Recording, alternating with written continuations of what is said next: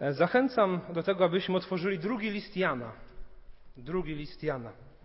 Są takie księgi, które są z jakiegoś powodu rzadko omawiane na kazaniach. Nie wiem do końca z jakiego, chyba z tego, że są krótkie. I e, no nieczęsto słyszy się e, właśnie z nich jakieś rozważania na niedzielnych nabożeństwach, a przecież są one Słowem Bożym tak samo jak te wszystkie długie księgi. E, niosą aktualne i tak samo wartościowe przesłanie, jak każda inna część Pisma Świętego. Więc dzisiaj chciałbym nas zachęcić do tego, byśmy przeczytali i przeanalizowali drugi list Jana ten temat tego listu jest bardzo aktualny, wierzę, że bardzo zachęcający również. Więc drugi list e, świętego Jana e, jest tylko jeden rozdział, więc ten jeden rozdział przeczytamy od wersetu pierwszego do trzynastego. Drodzy, posłuchajcie. Może powstańmy, kto może, do czytania Słowa Bożego.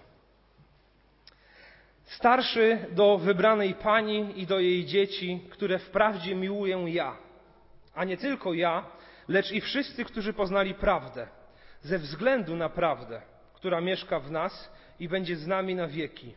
Łaska, miłosierdzie, pokój od Boga Ojca i od Jezusa Chrystusa, Syna Ojca, niechaj będzie z nami w prawdzie i w miłości. Uradowałem się bardzo, że między dziećmi Twoimi znalazłem takie, które chodzą w prawdzie, jak przykazał nam Ojciec. A teraz proszę Cię, Pani, abyśmy wzajemnie się miłowali a nie podaję ci tego jako nowe, nie podaję ci tego jako nowego przykazania, lecz jako przykazanie, które mieliśmy od samego początku. A to jest miłość, abyśmy postępowali według przykazań Jego. Takie jest to przykazanie, które słyszeliście od początku, aby było zasadą waszego postępowania. Bo wyszło na świat wielu zwodzicieli, którzy nie chcą uznać, że Jezus Chrystus przyszedł w ciele. Taki jest zwodzicielem i antychrystem. Miejcie się na baczności, abyście nie utracili tego, nad czym pracowaliśmy, lecz abyście pełną zapłatę otrzymali. Kto się za daleko zapędza i nie trzyma się nauki Chrystusowej, nie ma Boga. Kto trwa w niej, ten ma i Ojca, i Syna. Jeżeli ktoś przychodzi do was i nie przynosi tej nauki, nie przyjmujcie go do domu i nie pozdrawiajcie. Kto go bowiem pozdrawia, uczestniczy w jego złych uczynkach. Miałbym wam wiele do napisania, ale nie chcę tego pisać piórem i atramentem. Wszak spodziewam się być u was i osobiście z wami porozmawiać, ażeby radość nasza była zupełna. Pozdrawiają cię dzieci, siostry twojej wybranej.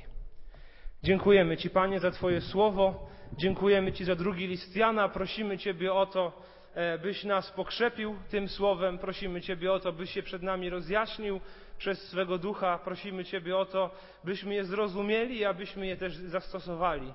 Byśmy byli zborem, który cechuje miłość i prawda, jak wzywa nas do tego Twoje słowo.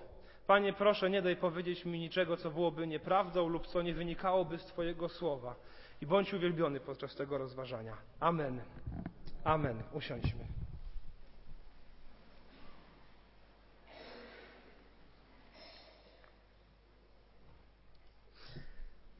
List ten został napisany około 90 roku naszej ery, czyli jest to jedna z najpóźniejszych ksiąg Nowego Testamentu. Już wtedy chrześcijaństwo dobrze się rozwijało, powstawało coraz więcej zborów, ale też powstawały problemy i powstawały herezje, zniekształcenie tej nauki, która była głoszona, nauki apostolskiej. I cały ten list zaczyna się od adresata i jest mowa o tym, e, e, kto go pisze i do kogo pisze. Więc czytamy, że jest to osoba, która się przedstawia jako starszy. Starszy. Dosłownie e, to prezbiter, gdybyśmy to chcieli tak przełożyć jeden do jednego. Prezbiter. Nie oznacza ten starszy wieku, ale raczej pozycję. Jest to jakiś przywódca duchowy. I tradycyjnie uznaje się, że autorem tego listu jest Jan, dlatego że słownictwo, którego on używa i styl, w jakim pisze i to, o czym pisze, jest bardzo podobne i do pierwszego listu, i do Ewangelii Jana. Więc uznaje się, że ten starszy to właśnie Jan apostoł, najmłodszy z uczniów Jezusa Chrystusa i ten jego najbliższy, e, najbliższy uczeń, najbliższy współpracownik. Czytamy, że e, list ten jest skierowany do wybranej pani i do jej dzieci.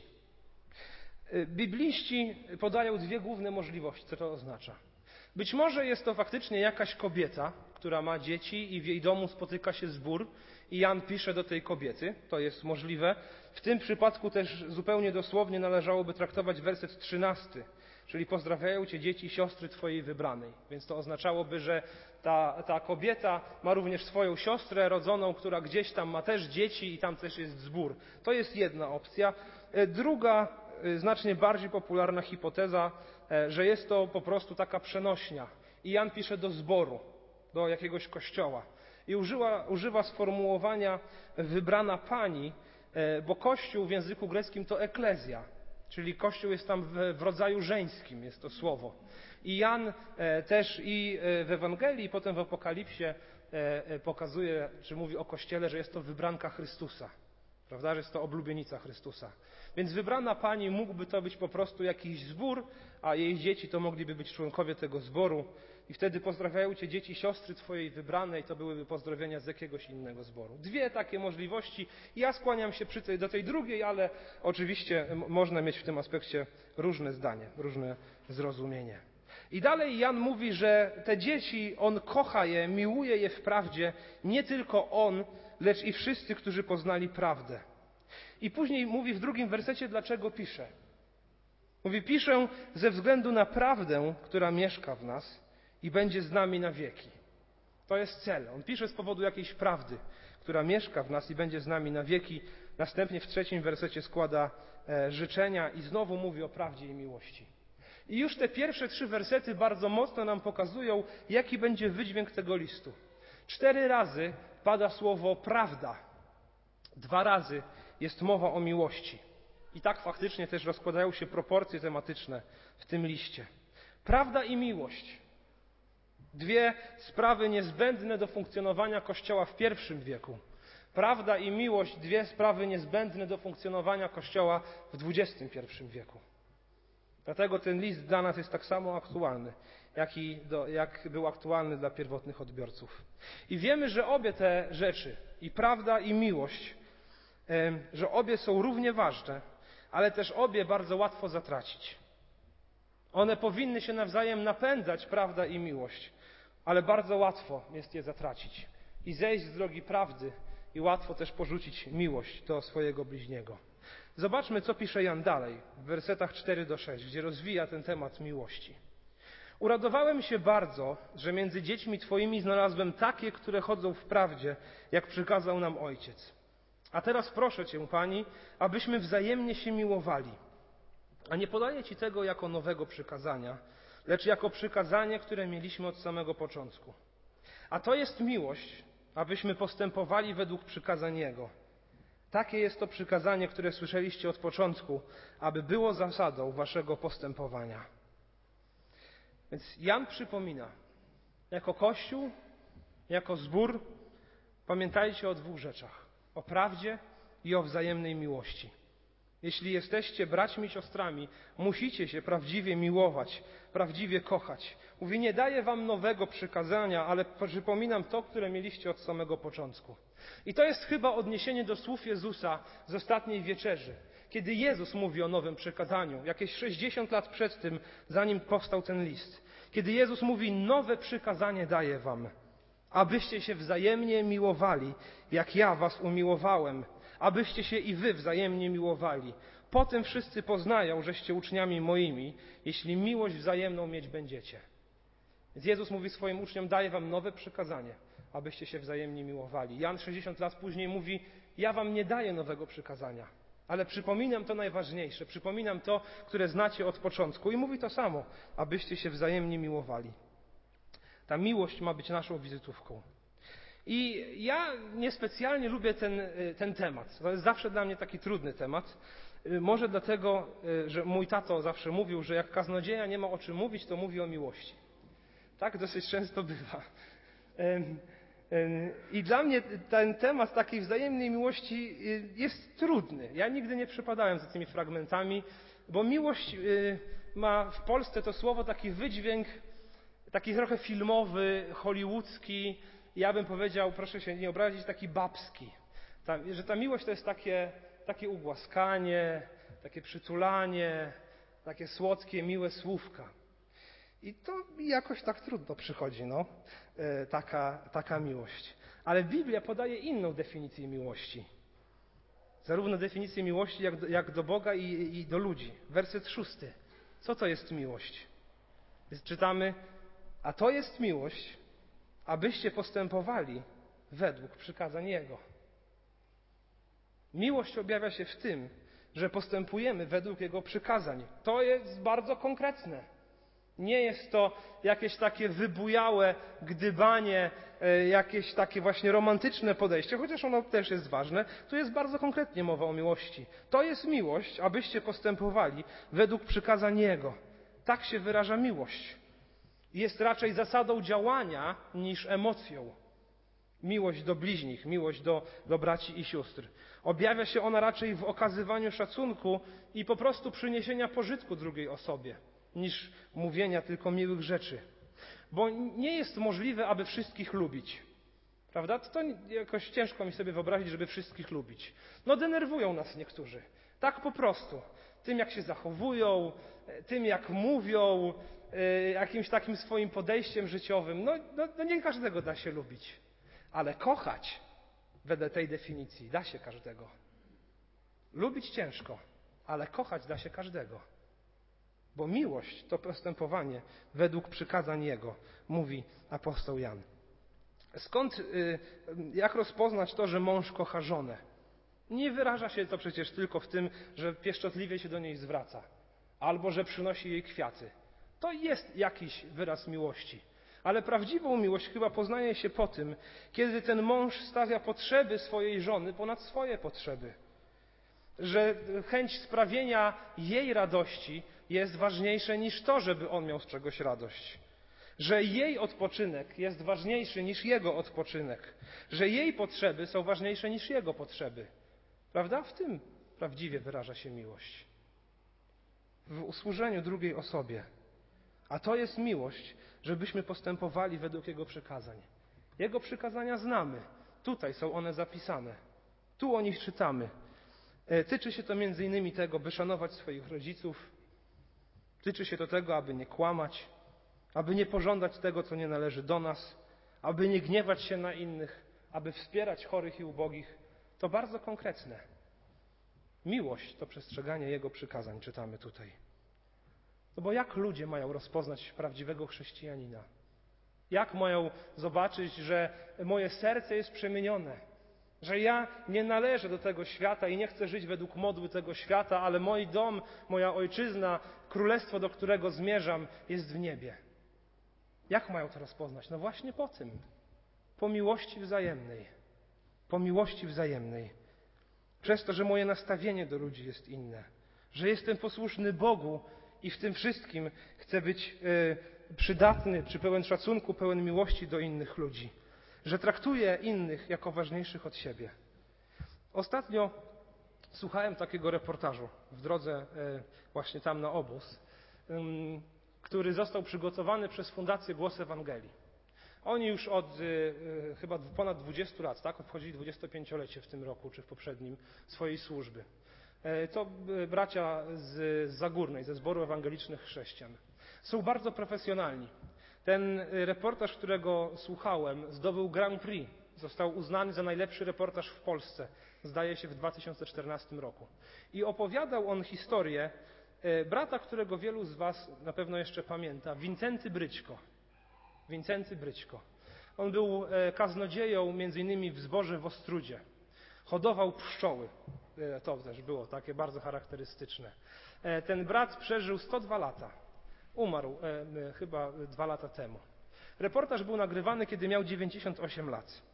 I jest tam taka scena, on trwa około 40 minut, kiedy córka dzwoni do swojego taty, właśnie do brata Wincentego. I pyta się, co słychać. I on opowiada, a wiesz co, byłem na rynku, dynię chciałem kupić. I była tam taka dynia, jak bochenek chleba, kosztowała dwa złote. I mówi, a myślę, dwa złote mogę dać. Ale obok stała taka wielka dynia, 40-kilogramowa. I pytam się, ile ona kosztuje. A ten pan odpowiada, 10 złotych. Mówię, 10 złotych, no to, no to wziąłem, kupiłem. I opowiada ten brat Wincenty, 98-latek, no, że ktoś tam pomógł mu tą dynię pokroić, e, wyrzucić cały ten, ten środek, czy do czegoś tam użyć. I on mówi, a kawałek zawiozłem tym, kawałek tutaj na obóz zawiozłem, e, kawałek tam do zboru zawiozłem, kawałek jeszcze komuś tam dałem. I ta córka się pyta, tatuś, a sobie coś zostawiłeś? On mówi, no tak, tak, tak, coś tam sobie zostawię. I niesamowite jest to, że on wszystko, co miał, miał po to, żeby dzielić się tym z innymi. I e, brat Henryk Dedo, czyli autor tego reportaża, rozmawiałem z nim ostatnio, mówi, że e, chodził po sąsiadach brata Vincentego, aby z nimi porozmawiać. I jeden człowiek mówi e, do autora reportażu, mówi, panie, mówi, to święty człowiek jest, to jest jedyny chrześcijanin w tym mieście. Bo ludzie widzieli jego postępowanie. Widzieli, że on naprawdę żyje po to, aby po prostu pomóc innym, że chce służyć innym ludziom. I, I przez to ten sąsiad mówi, panie, to jest jedyny chrześcijanin w tym mieście. Do tego jesteśmy wezwani. To ma być nasza wizytówka. Po tym poznają, że jesteście moi, gdy miłość wzajemną mieć będziecie. Jezus mówi w Ewangelii Jana 13: Nowe przykazanie daję wam, abyście się wzajemnie miłowali, jak ja was umiłowałem, abyście się i wy wzajemnie miłowali. A dwa rozdziały dalej, w rozdziale 15, w wersecie 9, Jezus mówi: Jak mnie umiłował Ojciec, to czytaliśmy na początku nabożeństwa, tak i ja was umiłowałem. I dodaje: Trwajcie w miłości mojej. Trwajcie w miłości mojej. Jak Jezus nas umiłował, wyparł się samego siebie. Wyparł się samego siebie. Trwajcie w miłości mojej. Skąd brać tę miłość do innych ludzi? Nie wiem jak wam, mi to wcale nie przychodzi tak zupełnie naturalnie i łatwo. Ja tak naturalnie to mi przychodzi kochać siebie, że mi się należy, że ja potrzebuję, że proszę mi usłużyć, że przecież no, ktoś mógłby mi pomóc. Jak kochać to siebie, to łatwo przychodzi. Ale kiedy Jezus mówi, trwajcie w miłości mojej, to myślę, że stąd, tam jest właśnie źródło naszej miłości do innych. Nie potrafisz kochać innych, albo idzie ci to ciężko, przyjdź do Jezusa. Im bliżej będziemy Chrystusa, tym łatwiej będzie nam okazywać miłość sobie, ten wzajemny szacunek, być pożytecznym dla innych. W Jezusie jest nasza siła. Sami z siebie ciężko to wykrzesać. Ale kiedy myślę o Jezusie, kiedy myślę o tym, co On dla mnie zrobił, kiedy poznaję Jego słowo i trwam w modlitwie, zupełnie inne jest moje nastawienie. Jakoś Duch Święty zmienia człowieka i faktycznie cudza radość staje się moją radością. I cudzy pożytek staje się dla mnie jakimś pożytkiem. Do tego nas zachęca apostoł Jan. Mówi: kochajcie jedni drugich. Takie jest to przykazanie, które słyszeliście od początku, aby było zasadą waszego postępowania. Miłość wyraża się w posłuszeństwie Bogu i miłość bierze się z trwania w Chrystusie. To tam jest jej źródło. Potrzebujemy tej miłości po to, aby dawać ją innym. To jest pierwsza część tego listu, tak do wersetu szóstego. Co czytamy dalej? 7 do 9. Bo wyszło na świat wielu zwodzicieli, którzy nie chcą uznać, że Jezus Chrystus przyszedł w ciele. Taki jest zwodzicielem i antychrystem. Miejcie się na baczności, abyście nie utracili tego, nad czym pracowaliśmy, lecz abyście pełną zapłatę otrzymali. Kto się za daleko zapędza i nie trzyma się nauki Chrystusowej, nie ma Boga. Kto trwa w niej, ten ma i Ojca, i Syna.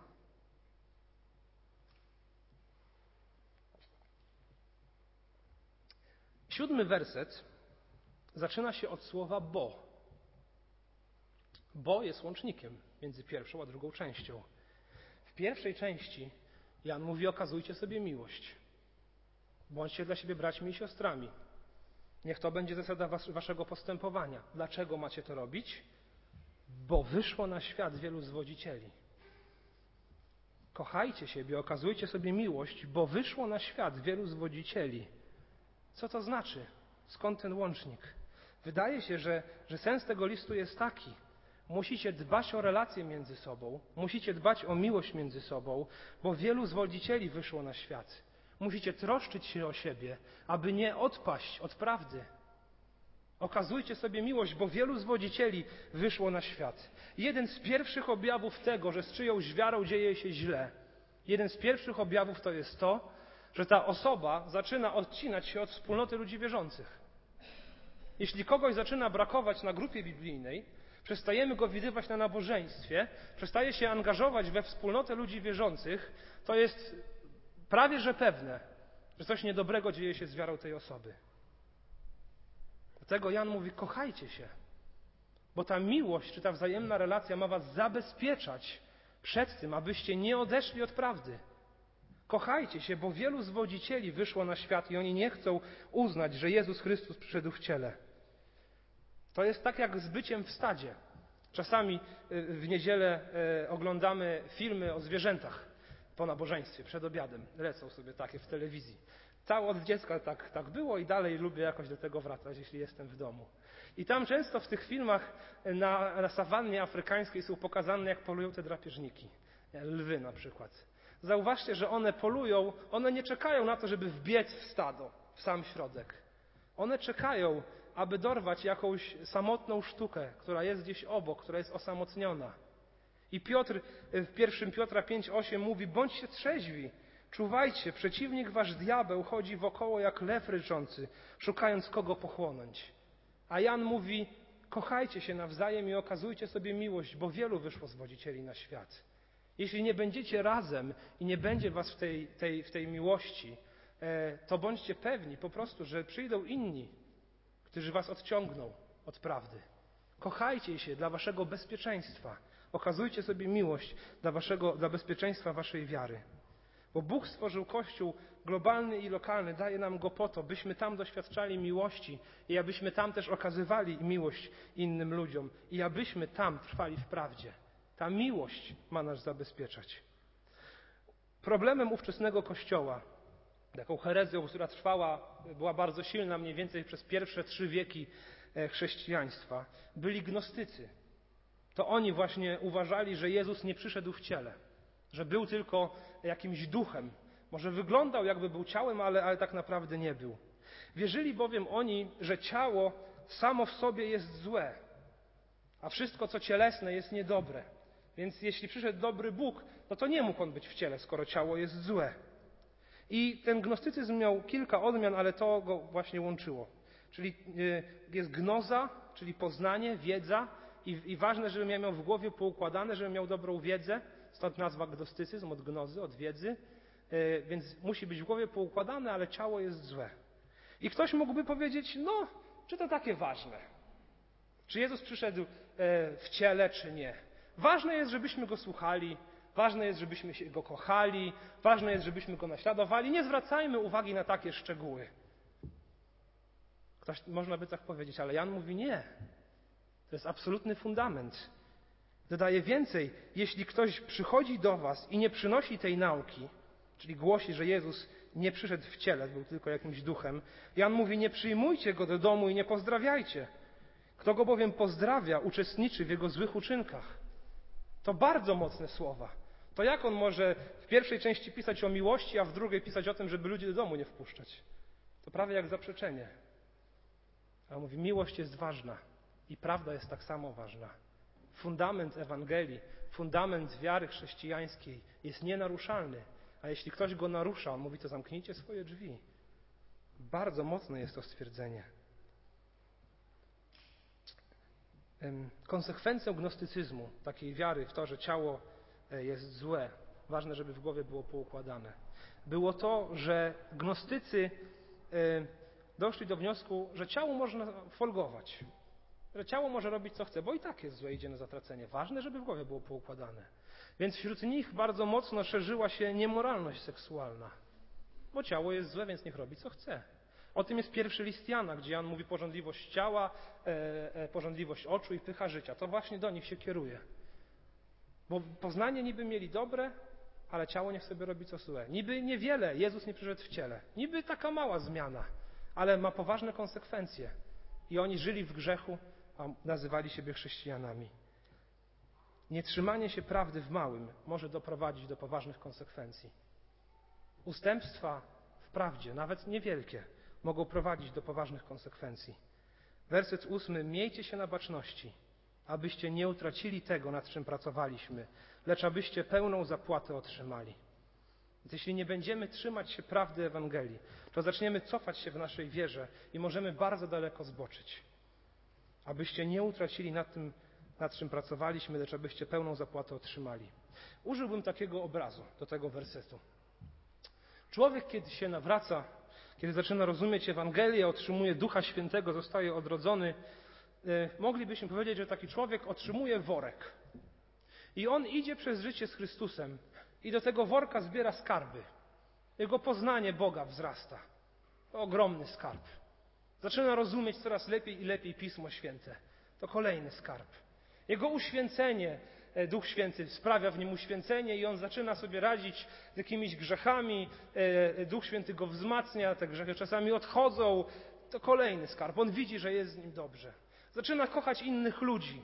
Kolejny skarb. I tak człowiek idąc z Bogiem do tego worka sobie zbiera różne skarby. To ten, y, abyście pełną zapłatę otrzymali. Ale jeśli przestaje, czy zaczyna wierzyć w coś, w jakąś nieprawdę dotyczącą Boga, zaczyna wierzyć w coś, co nie jest Ewangelią, to tak jakby ktoś tam małą dziurę zrobił. Niby nic wielkiego, niby nic dużego. Ale kiedy ten człowiek idzie i coś tam zbiera do tego worka, to też z tego worka coś wypada.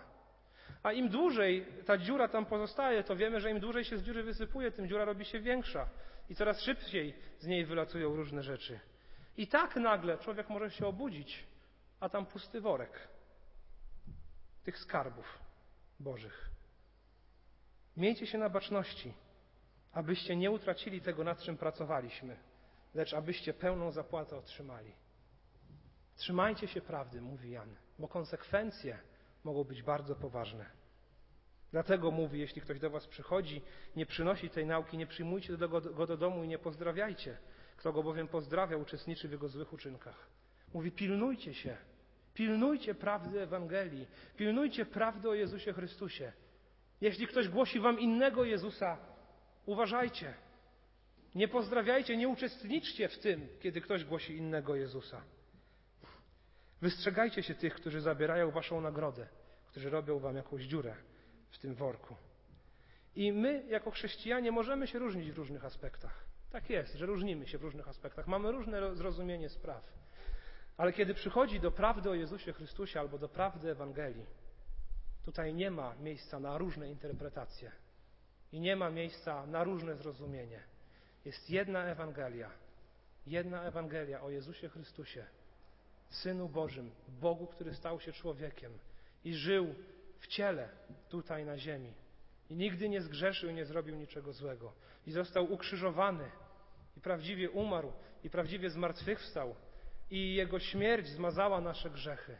Stał się barankiem paschalnym, który umarł w nasze miejsce. Jeśli uwierzymy Mu i wyznamy Mu swoje grzechy, odwrócimy się od swoich grzechów, to będziemy zbawieni. Ktokolwiek zmienia to przesłanie Ewangelii, Przesłanie o tym, że zbawienie jest z łaski przez wiarę tylko w osobie Jezusa Chrystusa. Apostoł Jan mówi: zamykajcie drzwi i wystrzegajcie się, bo wiele możecie stracić. Więc w małym możemy się różnić, ale w tym, co najważniejsze, musimy być jedno.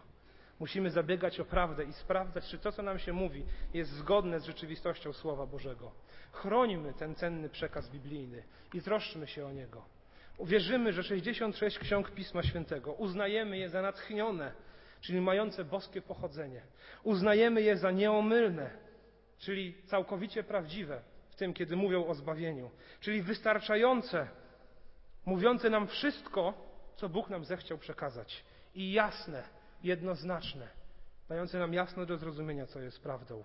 Natchnione, nieomylne, wystarczające i jasne. Chrońmy prawdy znajdującej się w Słowie Bożym. I w tym wszystkim, w tej prawdzie, uważajmy, aby stale cechować się miłością.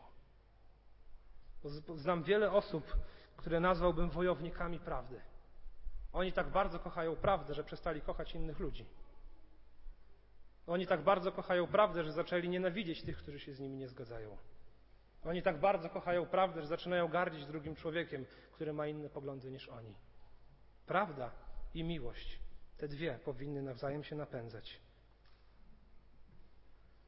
Jan nas zachęca: bądźcie stanowczy w prawdzie, a jednak pamiętajcie, by stale kierować się miłością. Wierzę, że prawda i trwanie w niej prowadzi również do miłości. Jak powiedział Augustyn z Hipony, w rzeczach koniecznych jedność, w rzeczach wątpliwych wolność, we wszystkim miłość. W rzeczach koniecznych jedność, w wątpliwych wolność, we wszystkich miłość. Niech tak faktycznie będzie. Więc kończąc, chcę nas zachęcić na kilka sposobów. Po pierwsze, okazujmy sobie miłość. Prawdziwie okazujmy sobie miłość. Wyraża się ona w posłuszeństwie Bogu i w takim życiu, jakim, jakie wiódł Jezus Chrystus. Kochajcie się nawzajem tak, jak ja was ukochałem. Drodzy, wyprzedzajmy siebie nawzajem w okazywaniu sobie szacunku. Wyprzedzajmy się nawzajem w okazywaniu sobie miłości. Nieśmy sobie pomoc, okazujmy zainteresowanie. To jest wizytówka chrześcijanina. Po tym poznają, że jesteście moi. Jeśli nie potrafisz tego robić, albo przychodzi ci to trudno, przyjdź do źródła miłości do Jezusa Chrystusa. Im będziesz bliżej Niego, tym łatwiej będzie Ci przychodziło kochanie innych. Im bliżej będziesz Chrystusa, tym bardziej Jego światło będzie na Ciebie świeciło i tym bardziej będziesz chciał okazywać miłość innym ludziom, bo zrozumiesz, jak On Ciebie pokochał. Okazujmy miłość jedni drugim. Jeśli masz kochać innych, musisz trwać w Chrystusie. Nasza miłość bierze się stąd, że On pierwszy nas ukochał. Im bliżej będziemy Jezusa, tym łatwiej będzie nam okazywać miłość innym. Po drugie, wzajemna miłość ma nas chronić przed zwiedzeniem i kłamstwem. Wzajemna miłość, troska, zainteresowanie ma nas chronić przed zwiedzeniem i kłamstwem. Dlatego troszczmy się nawzajem o siebie i rozmawiajmy o tym, w co wierzymy. Najlepszym miejscem do tego są grupy biblijne. Kiedy jesteśmy w gronie kilku czy kilkunastu osób, czytamy fragmenty Słowa Bożego, wspólnie je omawiamy, wspólnie rozmawiamy o tym, jak możemy to odnieść do naszego życia. To jest idealne miejsce, aby budować naszą wiarę i aby trwać w prawdzie. Tam też doznajemy prawdziwej miłości. Kiedy jesteśmy blisko siebie, możemy rozmawiać o swoich problemach. Zachęcam Was, drodzy. Teraz są wakacje, ale kończą się za miesiąc. Bądźcie częścią grupy biblijnej. Jesteście na nabożeństwach, chwała Bogu za to. Ale miejcie chrześcijan, którzy będą blisko Was.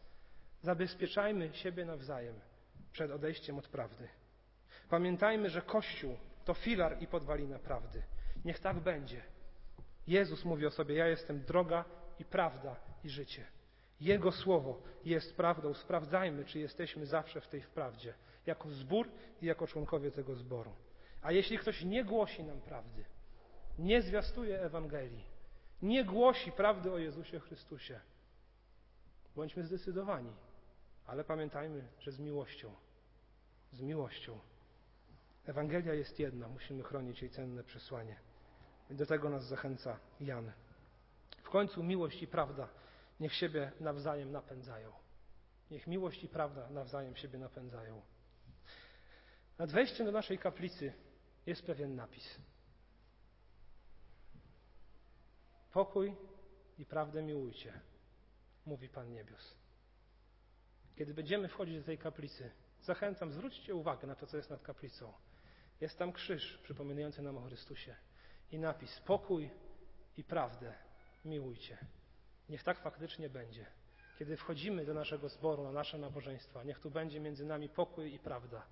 I kiedy wychodzimy stąd, odwróćmy się i spójrzmy jeszcze raz. I pamiętajmy o tym, by cechowało nas pokój i by cechowała nas prawda. Do tego zachęca nasz, nasz, Pan, nasz Pan, do tego zachęca nasz drugi list Jana. Niech tak będzie. Amen.